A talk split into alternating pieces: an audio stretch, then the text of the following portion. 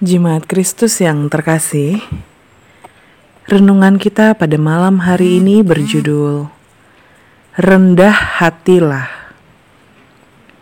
Dan firman Tuhan diambil dari kitab Yesaya pasalnya yang kedua ayat 12 sampai dengan 17.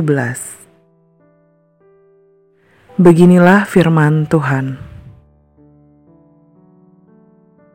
Sebab Tuhan semesta alam menetapkan suatu hari untuk menghukum semua yang congkak dan angkuh, serta menghukum semua yang meninggikan diri supaya direndahkan.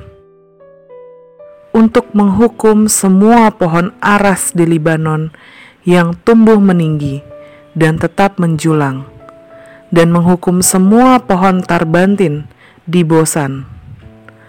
Untuk menghukum semua gunung yang tinggi-tinggi dan semua bukit yang menjulang ke atas, untuk menghukum semua menara yang tinggi-tinggi dan semua tembok yang berkubu, untuk menghukum semua kapal Tarsis dan semua kapal yang paling indah.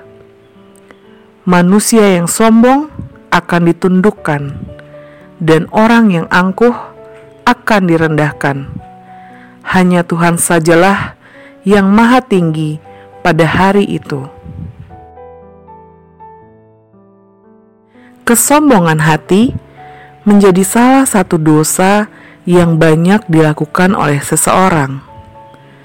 Sikap sombong bisa datang dari banyak latar belakang mulai karena memiliki jabatan yang tinggi, memiliki harta kekayaan, atau mungkin karena dari keturunan keluarga yang terpandang.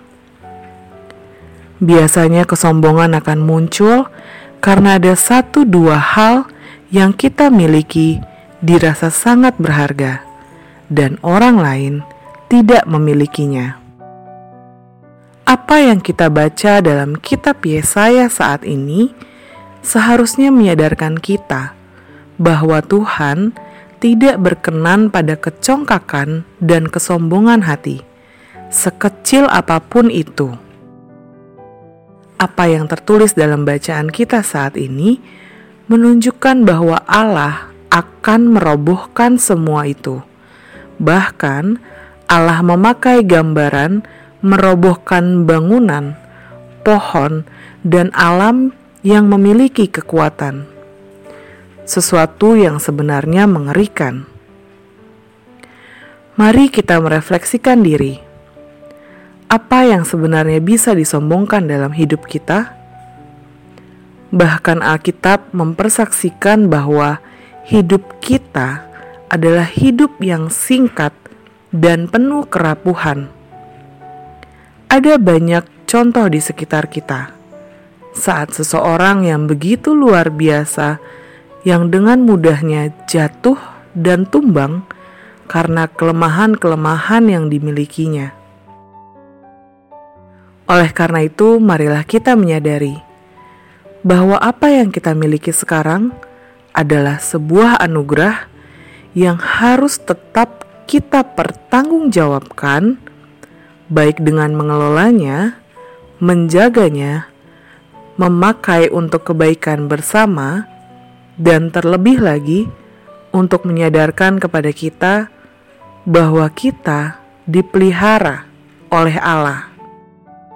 Itu semua bukan dari hasil jerih lelah kita sendiri, tetapi ada campur tangan Tuhan di dalamnya. Oleh karena itu, hiduplah dengan rendah hati. Niscaya Tuhan senantiasa menambah-nambahkan berkat pada kita. Demikianlah renungan pada malam hari ini. Semoga damai sejahtera dari Tuhan Yesus Kristus tetap memenuhi hati dan pikiran kita. Amin. Jemaat yang terkasih, mari kita bersatu hati menaikkan pokok-pokok doa yang ada dalam gerakan doa 21 GKI Sarua Indah. Mari kita berdoa.